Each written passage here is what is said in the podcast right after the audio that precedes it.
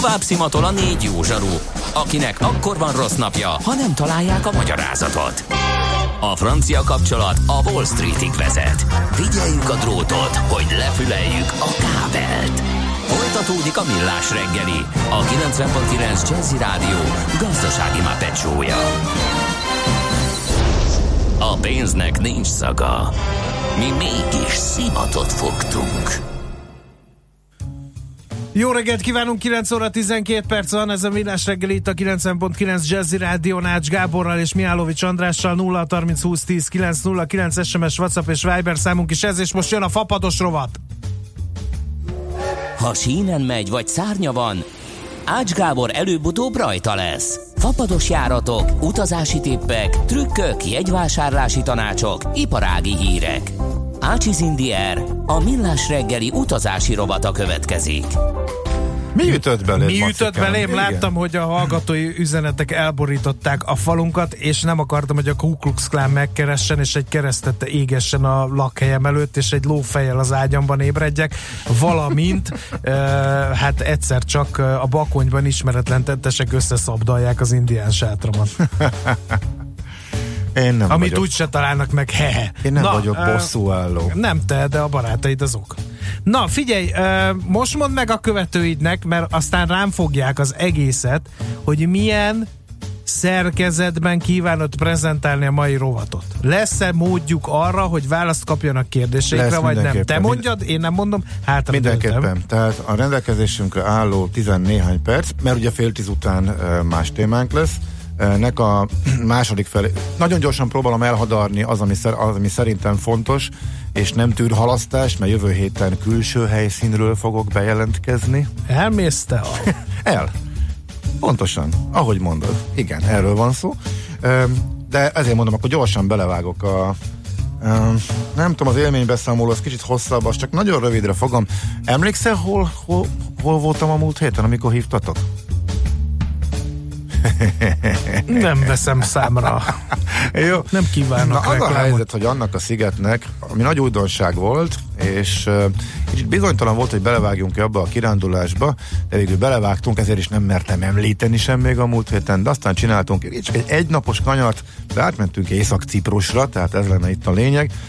Uh, megosztott ország, Ugye az Észak-Ciprusi török köztársaságot, ami Törökország 70, most nem emlékszem pontos évszámra, a 70-es években egyszer csak oda, a török hadsereg oda ment, elfoglalt, és avóta ketté osztott az ország, és a ciprusi főváros közepén is ott van a határ, eh, Nikóziában.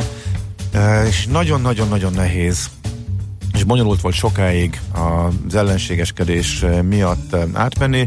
Azért nagyon lassan enyhült a feszültség, és évek az évek alatt egyre eh, könnyebbé vált. Most már néhány éve át lehet menni eh, délen, délről bérelt autóval is. Eh, Először csak egy-két kis helyi cég, aztán szépen minden eh, autó kölcsönző cég, vagy majdnem minden autó kölcsönző cég már nagy kockázat mellett, már mint a bérlő számára nagy kockázat mellett eh, engedélyezi azt, hogy te átmenj vele eh, éjszakra. Ez azt jelenti, hogy egyrészt te ott kötsz a török oldalra egy kötelezőt, tehát kifizetsz eh, 15, hú, nem emlékszem, 20 eurót talán, egy háromnapos biztosításra, amivel a, ha te okozol balesetet, akkor kifizetted az ellen, ellenkező félnek a, a javítatási költségét, de a te autódon arra nem lehet. Hát, Tehát úgy mész át, hogyha te okozol valamilyen balesetet, és te vagy a hibás, akkor azt fullba meg kell fizetni, arra nem érvényes a, a Dél-Cipruson, tehát a görög oldali e, biztosítás. Ennek ellenére nagyon óvatosan, hát úgy döntöttünk, hogy egy napot e, átmegyünk, és hát nagyon-nagyon érdekes e, tapasztalás, hogy mennyire, hogy, hogy mennyire hasonló, de mégis e, más. E, a kiréniai e, várban voltunk, egyált, egyáltalán Kiréniában, illetve Famagusztában, a két legnagyobb városban, és e, a legmegdöbbentőbb, ami tényleg egyszerűen földbe gyökerezett lábbal állsz, az e, ott Famagusta határában, a szellemváros.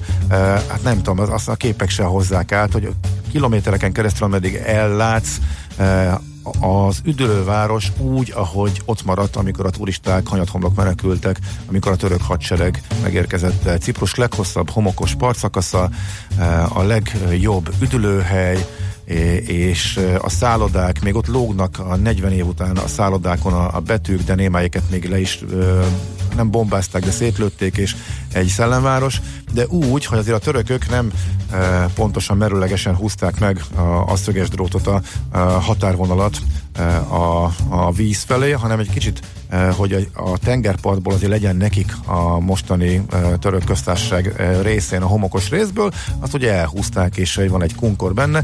Ebből az van, hogy az első 20 méter az egy homokos tengerpart, és ha jobbra nézel, akkor szépen felújított modern szállodák vannak. Ha meg csak egyenesen nézel, akkor rögtön a part mögött, ahol te mondjuk napozol, 5 méterrel mögötted egy, egy 8 emeletes szellemszálloda, ami szét van lőve, és rohad, de még ott lógnak rajta a betűk, és ha elnézel balra, akkor csak ezt látott kilométereken keresztül, egészen döbbenetes. És ez e, így működik, és egyetlen szöges drót, meg néhány fegyveres őr, e, amelyik elválasztja a, a kettőt egymástól, és ebben nem volt haladás. Oda bemenni aztán szigorúan tilos, e, beúfni sem nagyon érdemes. Ott azért az őrök elég szigorúak, fényképezni is tilos természetesen, de hát mindenki megteszi. És maga Kirénia nagyon szép, szóval Észak-Ciprusra, aki teheti, menjen át. Lehet, hogy érdemesebb úgy átmenni, hogy átsétálni és ott, az, ott a másik oldalon autót bérelni, főleg, hogyha hosszabbra megyünk, mondom, nagy kockázat azért, hogy saját magadra nem tudsz biztosítást kötni, vagy hogyha délen bérelt autóval mész át, de maga az átkelés az most már több átkelőhelyen is elég zöggenőmentes és pár perc várakozással abszolválható. Úgyhogy ennyit az észak-ciprusi élményekről. Fontos um, hír, útvonal hír, és uh, köszönöm Gábor kollégámnak, aki fölhívta a figyelmet erre, mert én éppen nem vettem észre, hogy újra van Castellon a menetrendben Budapestről is. Ez volt az útvonal, ami nyáron is nagyon olcsó volt, eh, Valenciától nem messze eh, Benicassim, a fő város, ahol gyönyörű, homokos, hosszú tengerpart van, ahol a híres uh, fesztivált is rendezik. Egyébként az is egy kiváló, uh, a legjobb fesztivál, ahol valaha voltam. Tényleg a világ legjobb uh, zenekarai este 6-tól reggel 6-ig tolják, majd pedig mindenki kivonul és a tengerparton, a homokos tengerparton bőven elfér mindenki, akkor a terület a fesztiválozók eh, ott dorbézolnak estig, amíg újra mennek a koncertekre. Ez most júliusban van, már az első előadók, előadókat fölrakták, úgyhogy ebből a szempontból is érdekes, de ezen a részen kívül meg viszonylag nyugodt e, nyaralóhely, nincsen nagy tömeg. Tavaly volt tehát újdonság a Castelloni kisreptér, beszéltem róla néhányszor. Aztán úgy tűnt, hogy idejére nem rakja bele a vízzel a menetrendbe, Budapest helyett Bécsből repül, és most váratlanul belekerült, ráadásul nem is csak június közepétől, tehát a nyári csúcsrőben, hanem már márciustól, előidényben most is nagyon olcsó, e, fillérekért vannak 10 eurósok is, e, a főidény most azért inkább a 10 forint környékén, tehát az a 30 euró környékén van, meg kicsit drágábban, de lehet, hogy lesz még olcsóbb, sőt, szinte biztos. Lényeg az, hogy megint van Castellon, illetve Benicassim, eh, Valenciával össze kell kötni. Gyerekeseknek kötelező a valenciai, eh, nem tudom pontosan mi a neve, a nagy eh, óceánárium.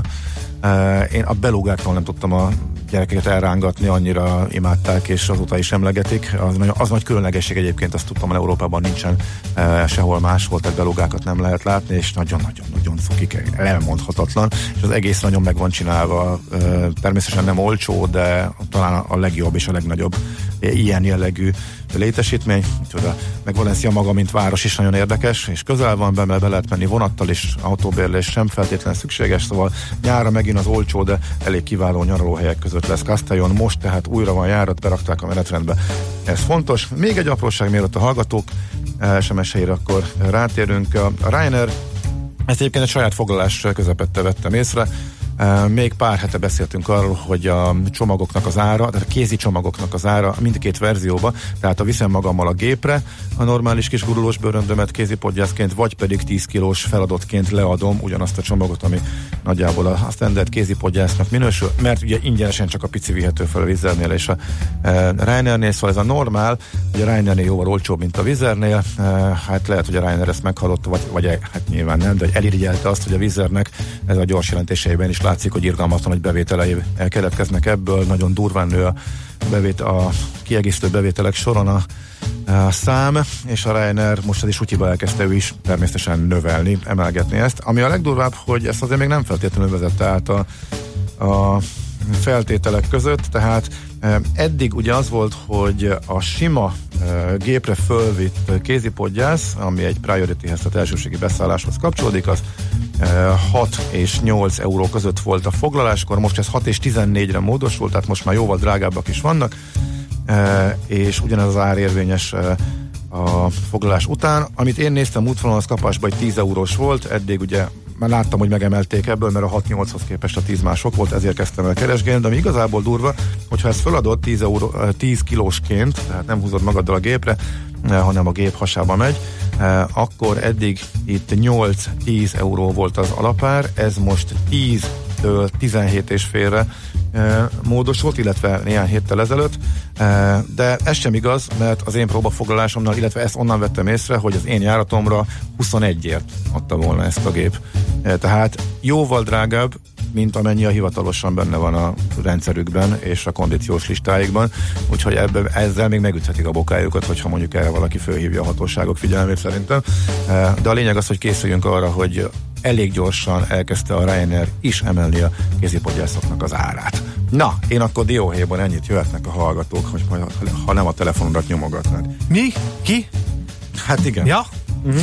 Na, figyelj, um, honnan kezdjem, honnan kezdjem, kezdjük mondjuk innen. Rodosz augusztus végére, mikor érdemes ilyet venni, mert hétkor feltette a kérdést a hallgató. Ez a legnehezebb. Gyorsan, mert sok kérdés van. Jó, ez borzasztó nehéz, mert a, ez a nyaralójárat kategória, ez, ez, ez, ez mindig olyan, hogy aranyáron mérik, már amikor felrakják a foglalási rendszerbe, akkor is aranyáron van, és onnantól kezdve e, meg simán e, foglalástól függ, de ezt meg tudják tölteni. Erre utazásirodák is hordanak e, csoportokat, és ez, egy, ez, a, ez a teljes lutri kategória. Elindul, mit tudom, 30 ezer forintról egy ilyen jegy, ugye átlagban, és ebben nincsen benne semmi, még ugye még a kézipodgyász is fizetős a normális méret, és oda Rodoszra azért nyaralni nem hiszem, hogy egy kis kézivel mész még akkor se, hogyha meleg van és nyár van, mert nem egy napra vagy két napra mész. Szóval van a borzasztó nehéz, borzasztó drága jegy, az elmúlt évek tapasztalatai alapján ez is nyár elején szokott, szoktak lenni olyan időszakok, amikor, amikor néhány hétig nem érkezik foglalás, és az algoritmus ilyenkor elkezdi csökkenteni, de hogy hogy a 30 ezerből, amikor lemegy 25-re, és bejön egy utazásirodás foglalás, amikor meg fölpattan 60-ra egy pillanat alatt, vagy éppen néhány hétig viszonylag kevesen foglalnak, és akkor lemegy 20-ra, annál öntem nagyon ritkán szokott, az teljes mértékben meg, megjósolhatatlan.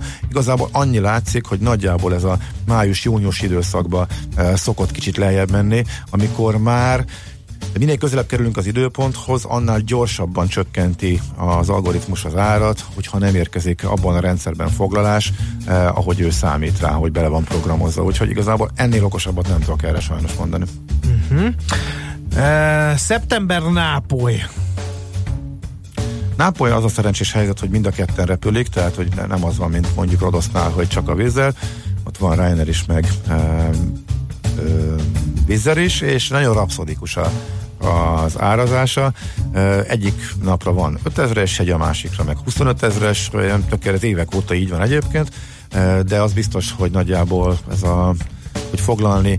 A Ryanairnél kicsit korábban és kicsit kockábban szokta csökkenteni a, az árat a rendszer, tehát nem lépésenként, mint a Vizernél, hogy 5 eurónként, vagy a olcsóbb gyereknél 2,5 eurónként, és minden nap berak egy plusz helyet, aztán még egy plusz helyet, és időnként fölgyorsítja, hogyha arra se foglal senki.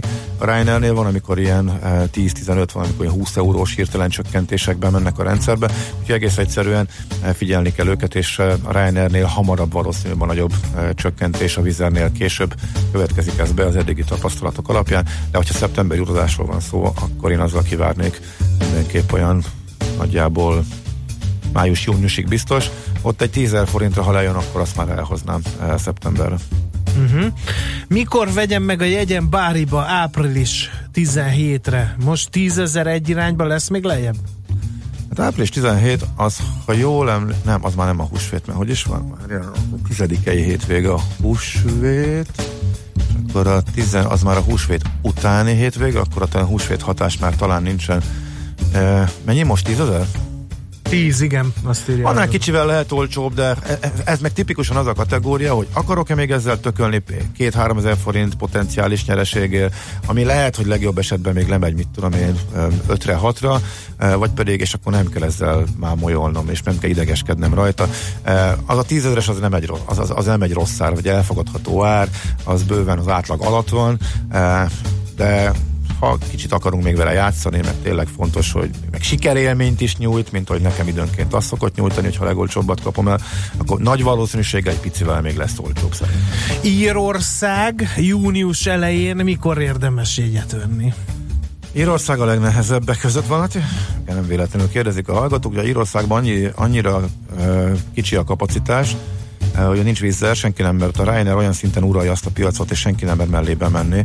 Uh, a vízzel ott volt, de kivonult, uh, EasyJet soha meg se próbálta a legnagyobb európai fapadosként, az annyira ír fel, annyira Ryanair felségterület, és azért és a budapesti útvonal laknál, és ugye hogy Aer Lingus Ryanair repülé, olyan iszonyatos vendégmunkás forgalom van, a magyarok járnak ki dolgozni és haza, hogy nagyon jó nagyon, tehát ö, rendszeresen tele vannak a járatok, tehát, tehát egyszerűen nincs rájuk hely, annyira telebírják őket pakolni, ezért a 10 forint alatti jegyek azok ritkasság számban mennek Dublinba, és Korkba is talán egyszer végpörgettem az egészet, egyetlen egy napra volt ö, ilyen. Mi volt az időpont? Még egyszer? Június. Június. Ott tényleg a, itt, itt tényleg csak uh, ugyanúgy az általános szabály van, én pont júniusban mentem uh, legutóbb, és uh, akkor is vért izzadtam egy ilyen 10-12 ezer forintos jegyér emlékeim szerint Dublinba. Pár nap különbség, pár napon belül voltam rugalmas, és az a szokásos két hónap, két-három hónap előtte szabály volt érvényes itt is. Hogy akkor, Aztán akkor volt a legolcsóbb. Február 9-13 Alicante. Víz megy direktbe, most 44 ezer, kicsit soknak gondolom. Van-e át, alternatív átszállás nélkül, illetve lehet-e olcsóbb, ha még várom? Bécsből sokkal olcsóbb. Bécsből vízzel is és Ryanair is repüli. Alicante-t? Igen, Alicante-t, uh-huh. úgyhogy valószínűleg érdemes Bécsbe menni. Bécsből Malaga is és Alicante is több időpontra is 10-15 euró. De én is sokalom a 44 ezeret ilyen idő Fog lejjebb menni, szakban. valószínűleg van rajta egy csoport. Ja, hogy ennyi? Fog, igen. Ha ennyire, ennyire drága, akkor, akkor vagy valamiért nagyon népszerű időpont, fog lejjebb menni, és simán lejöhet 20-ig. De most ez, de ez se biztos, és hogy megvárjuk-e, hm és lehet, hogy Bécsből meg ott van fillérekért. Hát elég sok olyan időpont van, ahol Malaga is, meg Alicante is Bécsből uh-huh. sokkal-sokkal olcsóbb. Július végén Basel, Mulhouse, Freiburg, repjegy megvan, de szálláshoz van-e valami tipp?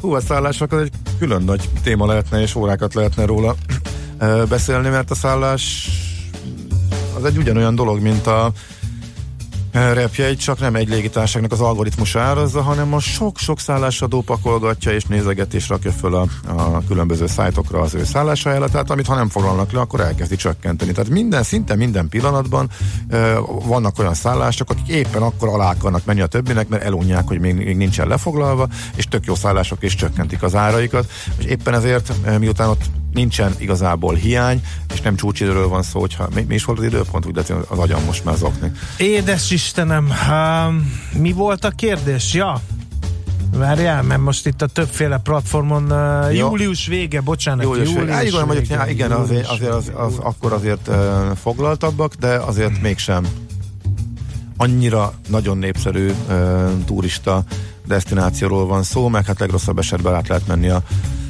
francia oldalra is a olcsóbbak a szállások, tehát um, erre nincsen olyan szabály, hogy sürgősen kéne, nincs ilyen, hogy lefoglalnák a jobbakat, mindig akcióznak, mindig töltenek fel olyan szállásadók Bookingre, Airbnb-re, többi oldalra, akik éppen lejjebb viszik, figyelik egymást, és érdemes nézegetni, és amint találunk egy olyat, ami megfelelő, akkor, akkor lecsapni rá. Tehát igazából ennyinek a régóta nincsenek program, problémáim szállással. Olyan szinten nincsenek, hogy már csomószor last minute megyek, sőt már útközben foglalom le a következőt két-három napnál, amikor uh, elképesztő jókat ki lehet fogni. Uh-huh.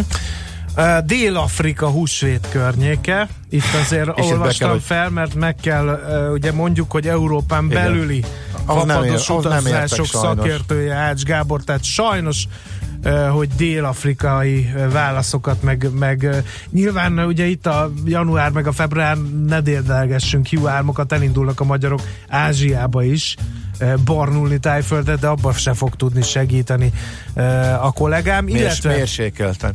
Na minden, de várj, egy de fontos kérdés lejárt. azért jött, Igen? még egyet légy szíves, válaszol meg.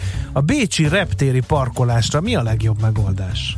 A Bécsi reptéri parkolásra nem jut eszembe a parkolónak a neve, de a Sveháti vasútállomás mellett van egy parkoló, ahol 5 euró per éjszaka, 5, 5, 5 euró per nap a parkolási díj.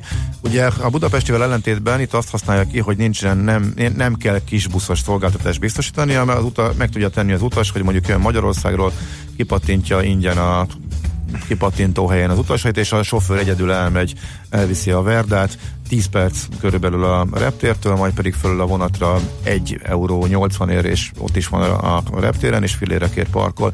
Rengeteg hasonló van, mint Budapesten, amelyik kisbuszos szállítás, de jóval drágábbak. A bécsi reptéri hivatalos parkolók, azok aranyárban vannak, azok nagyon-nagyon nagyon durvák. voltunk, emlékszel, amikor azon a feledhetetlen igen, igen, sarkörön igen, igen. túl, túl De azóta nagyon nagy kon- konkurencia harc van, és mondom, nem, nem, jut, nem, nem, nem jut eszembe a neve. A Sveháti állomás környékén van egy e, parkoló, ami ezzel is hirdeti magát, hogy 5 euró, és tényleg annyi a kényelmetlenség, hogy onnan bemész, lerakod, és akkor onnantól három percet el kell sétálni, és akkor vonattal kell 6 percet menned vissza a reptérre, egy órát érdemes rászállni, és akkor a sofőr még egy kis kitérőt tesz, addig a többiek már benn reptéren, akkor már ők meg tudják várni. Úgyhogy e, nekem ez tűnik a legjobbnak a Bécsire. Mm-hmm. Na, és akkor zárásként egy hallgatói észrevétel, amely engem ostoroz, ezért nem hallgathatom el. András Fájhügy, a gazdarovat körül nincs hype, fontos az is, meg a fapados is, de ez már szerintem túlzás, hogy a kérdezőket is minősíted, írja Peti hallgató. Én csak viccelni próbáltam, de aztán ugyanő írja ezt, hogy na András, így már oké, okay, korrekt vagy, teljesen jól pörgetett, tiszta szolgáltató műsor lett. Ó. Tudok én, ha akarok. Ha akarsz. Ritkán akarsz, de néha előfordul. Köszönjük szépen az észrevételeket, maradunk tovább, és ne felejtsétek, hogy akkor a kézilabda csapat körüli balhéról, illetve a De csak a tőzsde nyitási információkat követően. Ácsiz Indier, a millás reggeli repülési és utazási rovata hangzott el. Műsorunkban termék megjelenítést hallhattak. Rövid hírek a 90.9 Jazzin. Már a közmunkából kiesők sem akarnak postásnak menni. Felmondtak a battonyai postások pár nappal azután, hogy Kelebián öngyilkos lett a hivatalvezető.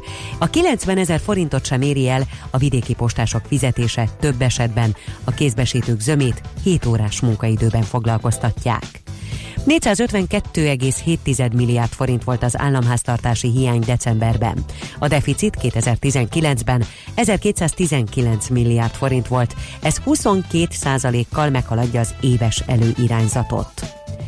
Az azonnali banki utalások ingyenes tételét szorgalmazza a Nemzeti Bank. A jegybank szerint ugyanis a hazai bankoknak magasak a díjai, ezzel pedig nem érvényesülnek az azonnali fizetési rendszer kedvező hatásai.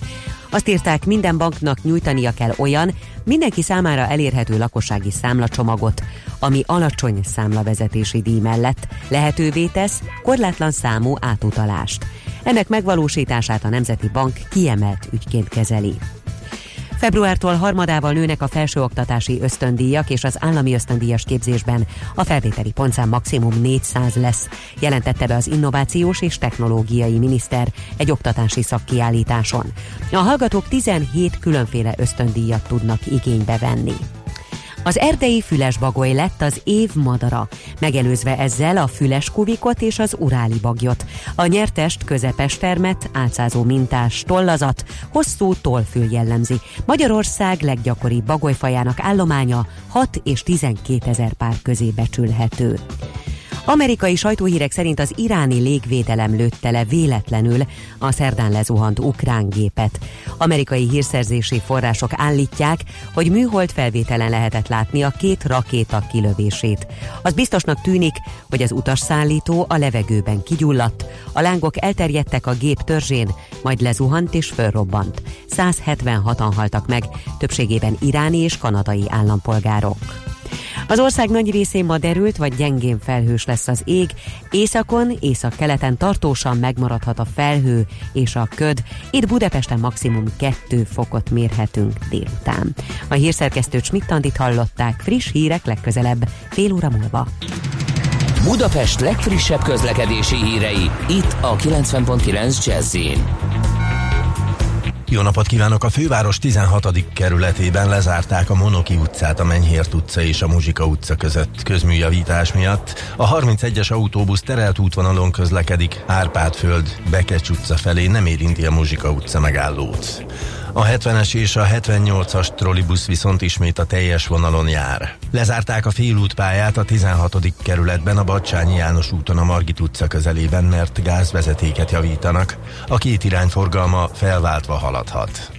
A hetedik kerületben a Dob utcát szintén lezárták a Vörösmarty utca és az Izabella utca között toronydaru bontása miatt várhatóan holnap estig.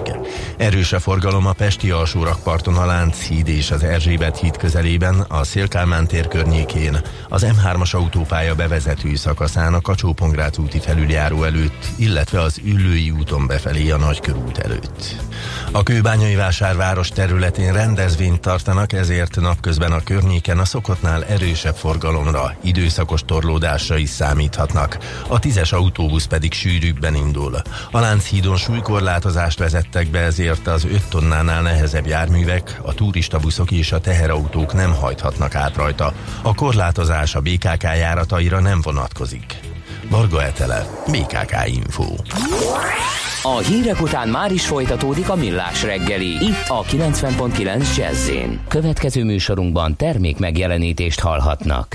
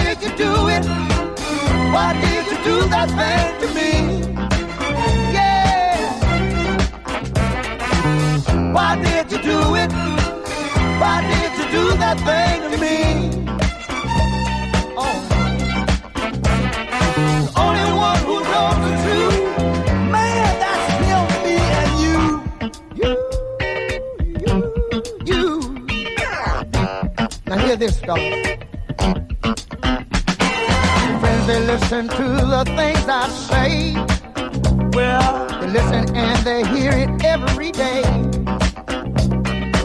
I know they'll never understand it. Cause it was no accident you planned it. Oh, why did you do it? Why did you do that thing? To me? Yeah. Why did you do it? Why did you do that thing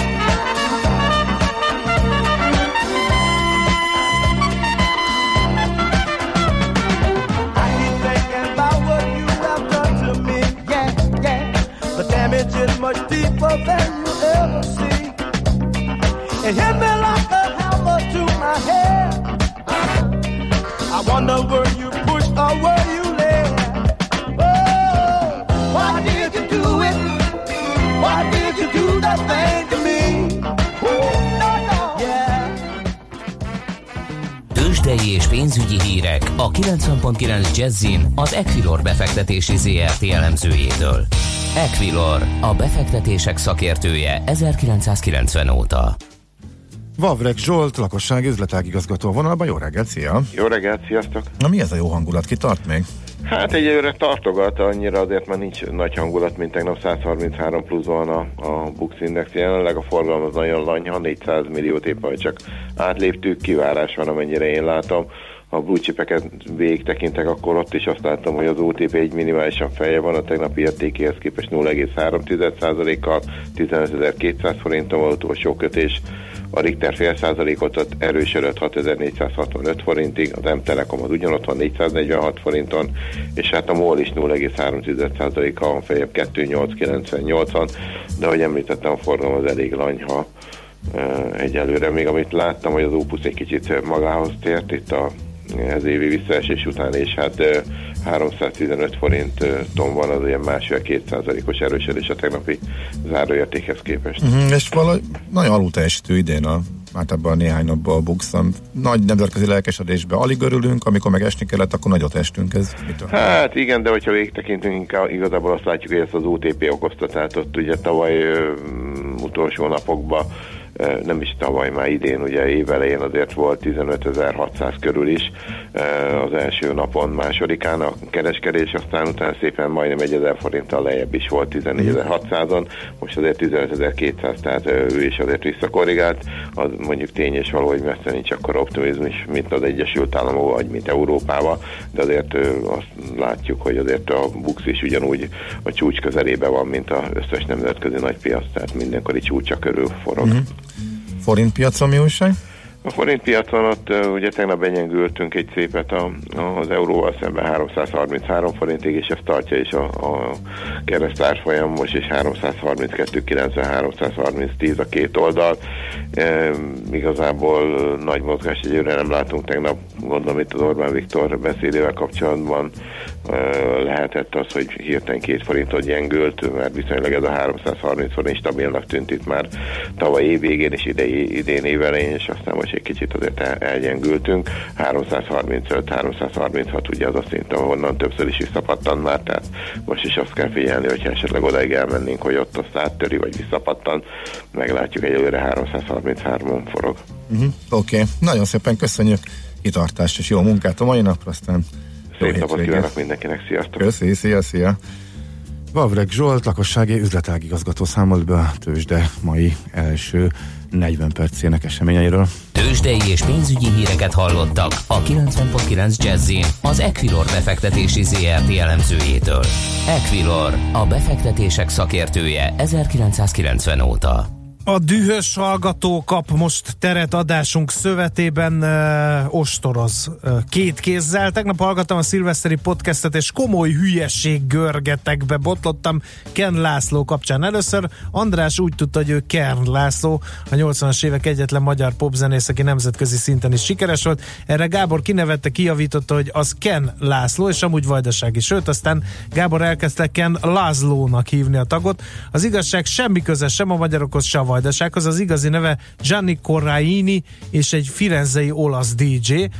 A művész nevét a Barbie Baba barátjáról Kentől, a Lászlót pedig a Casablanca film uh, Viktor László nevű szereplőjétől kölcsönözte, de szerepelt még például uh, Alvin, Rick Fellini, Lucky Boy, Franz Tornado, Spencer vagy Ricky Mattese néven is. A Ken László csak az egy a hülye nevei közül, ezzel alatta a legnagyobb sikereit.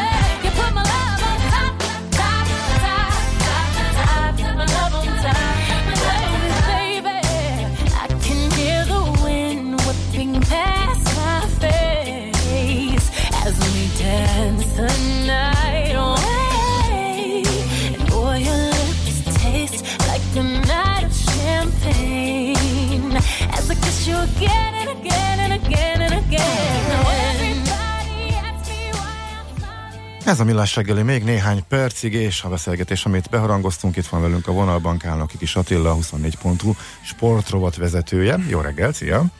Jó reggelt, szervusz!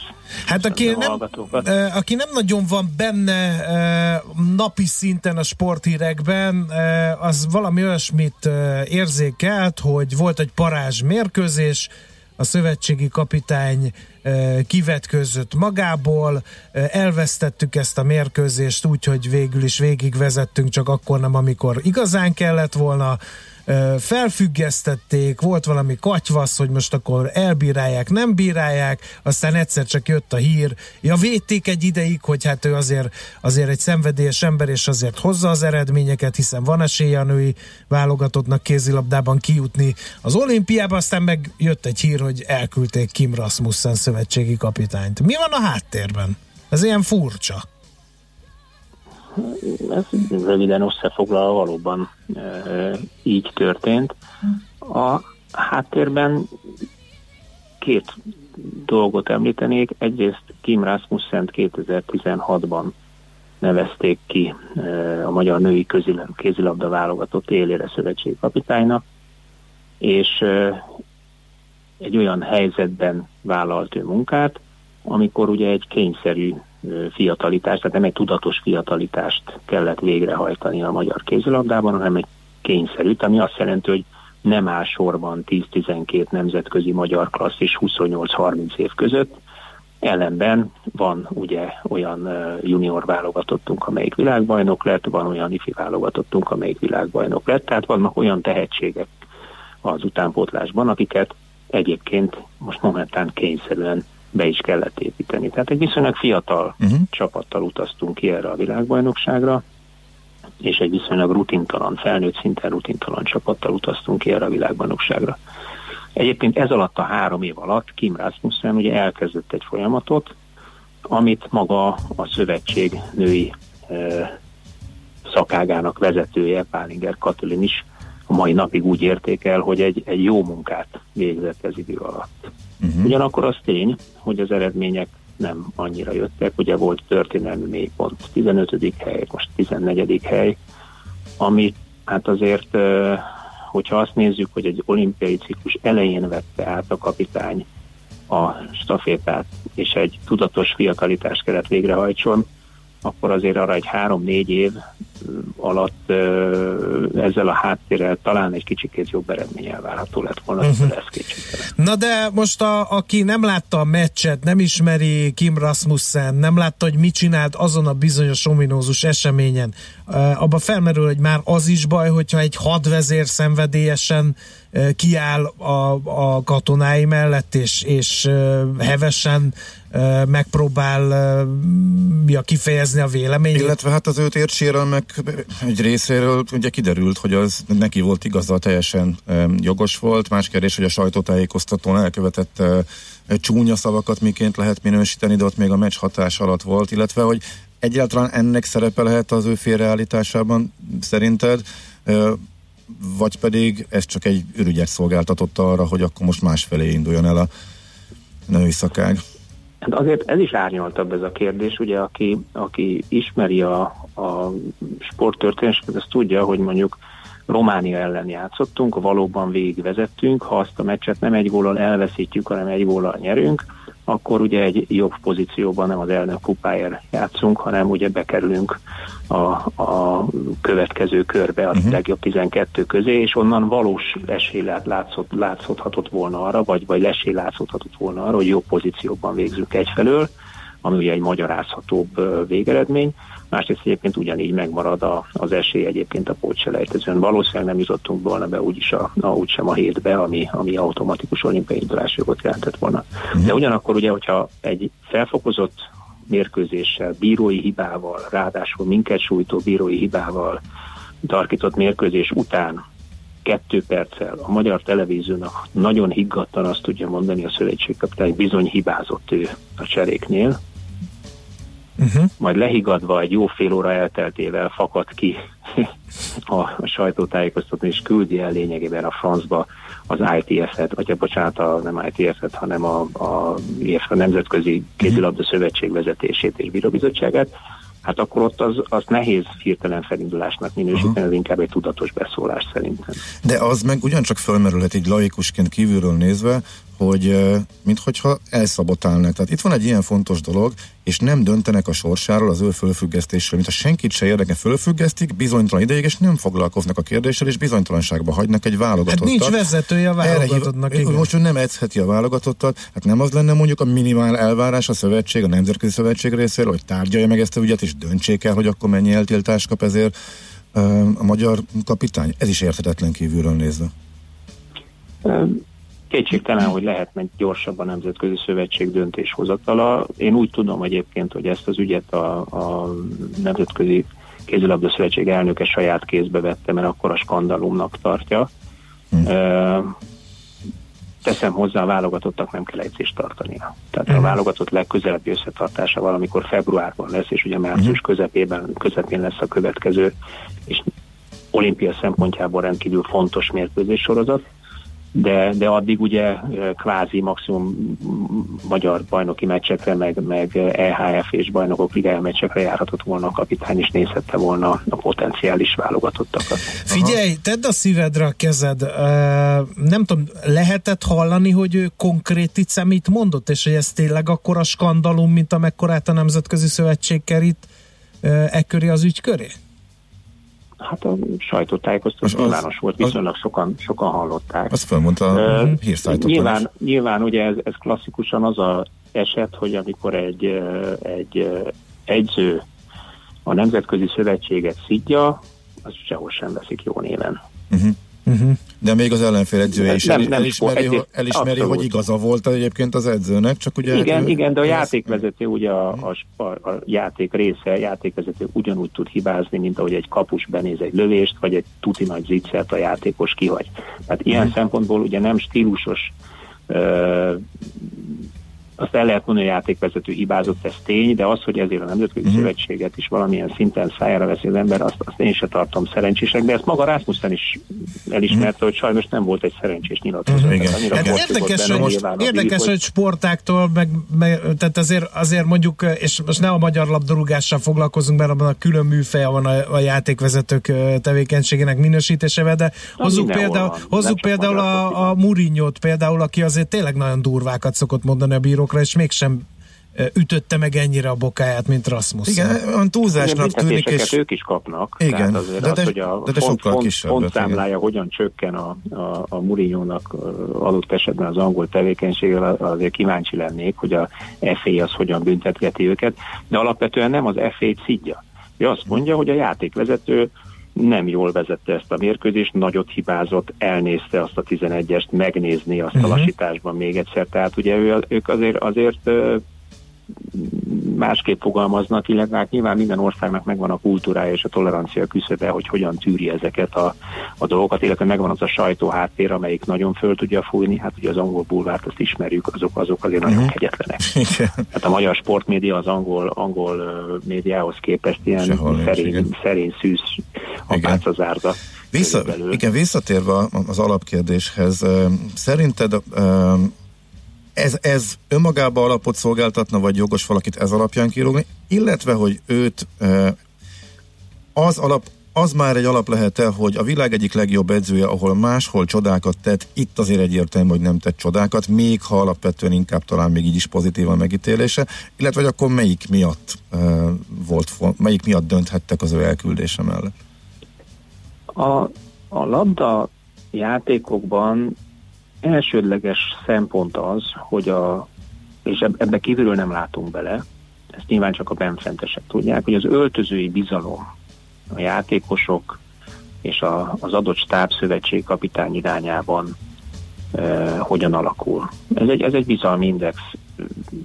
Nagyon elismerjük, nagyon szeretjük, egyre kevésbé. Nyilván minden öltözőben vannak hangadóbb játékosok, ők hogy állnak hozzá. Szerintem inkább azt érezhette a Magyar Kézilabda Szövetség vezetése, hogy ezen a, a világbajnokságon ez a fajta bizalmi indexe csökkent olyannyira a Kim Rasmussennek, hogy nem feltétlenül látják biztosítottnak azt, hogy úgy tudunk odaállni a márciusi eh, pontselejtező, olimpiai pontselejtezőre, hogy teljes mértékben egységesen áll ki a csapatokapitány mellett, vagy áll a csapat, csapatokapitány mögött. És úgy, szerintem úgy érezték, hogy, hogy a, bár még nem nevezték meg, de ugye a Ferencváros a Győr edzője van ö, szóban, mint, mint szövetségkapitány páros, hogy velük ez meg lesz ez a, ez a kohézió. Jó, hát... Oké, okay. okay. ez egy világos egyértelmű. Nagyon szépen köszönjük, hogy beszélgethetünk erről, ez nagyon érdekelt minket ennek a háttere, mert követtük, és több minden érdekes ellentmondás is látszott, illetve hát fogalmunk nem volt. Nehéz melyik- döntés, hát Igen. úgy meg különösen arra nem beszéltünk, hogy novemberben ajánlottak szerződés hosszabbítást. Négy évet, igen, igen. négy Mhm. évet, amit egyébként nyilván némi húzavona után információm szerint valamikor a világbajnokság alatt egyébként pont is került a, a, a végére. Mhm. Tehát ugye konkrétan kettő hónappal a felmentése előtt kapott egy négy éves szerződés hosszabbítást. Tehát a bizalom ilyen szempontból élt Igen. a szövetségkapitány irányába, és ezért mondom azt, hogy ez alatt a két hét alatt látszottak valószínűleg olyan jelek, ami, ami a játékosok, a csapat és a kapitány közötti eh, bizalomvesztést eh, mutatta. Mert egyébként nem lett volna indokolt, függetlenül, hogy 14 vagy 20 Mhm. mert még, még ugyanúgy megvan az esélye az olimpiai kvalifikáción arra, hogy egy hazai tornán ráadásul megelőzünk két Mhm. másik csapatot. Mhm. Oké, okay. hát nagyon szépen köszönjük, hogy elmondtad mindezt. Minden esetre tovább drukkolunk akkor a csapatnak majd a, most már a magyar edzőkkel, hogy legyen olimpia. Uh-huh. Köszönjük szépen! szépen. Szép napot, Szép napot, szia! Köszönöm, szervusz viszontalásra! Kálnoki Kis Attilával a 24.hu sportrovat vezetőjével beszélgettünk. És már csak az elköszönés maradt hátra. Ez a te harci feladatod lenne, Schmidt Andi nem szerepelt a műsorban. Köszönjön elő. Gyere. Azt mondta, hogy nem baj. Mert túlbeszélted akkor is. Itt Igen. ült, itt ült, és nem, enged, és nem engedte szóhoz jutni. Úgyhogy Eh, nagyon most pedig köszönjük, egy piros kitartó- almát a kezében szorongatva. És a kebelén fényesíti Fényes, próba, fog vétkezni mindjárt. Igen. Eh, Köszönjük egész napos kitartó figyelmeteket. Eh, Jövő héten lesz már csak millás reggeli. 6 óra 30 perckor jelentkezünk majdan. Eh, Mindenkinek legyen tartalmas szép hétvégéje. Sziasztok! Már a véget ért ugyan a műszak, a szolgálat azonban mindig tart, mert minden lében négy kanál. Hétfőn újra megtöltjük a kávés bögréket, beleharapunk a fányba és kinyitjuk az aktákat. Addig is, keressetek minket az arcaktákban, a közösségi oldalunkon. A mai adás podcastjét pedig holnapunkon. Millás reggeli, a 90.9 Jazzy Rádió gazdasági Muppet show-ja. Ha csak egy műsorra van időd idén, tégy róla, hogy ez legyen az. Csak egy dolog lenne még. Műsorunkban termék megjelenítést hallhattak.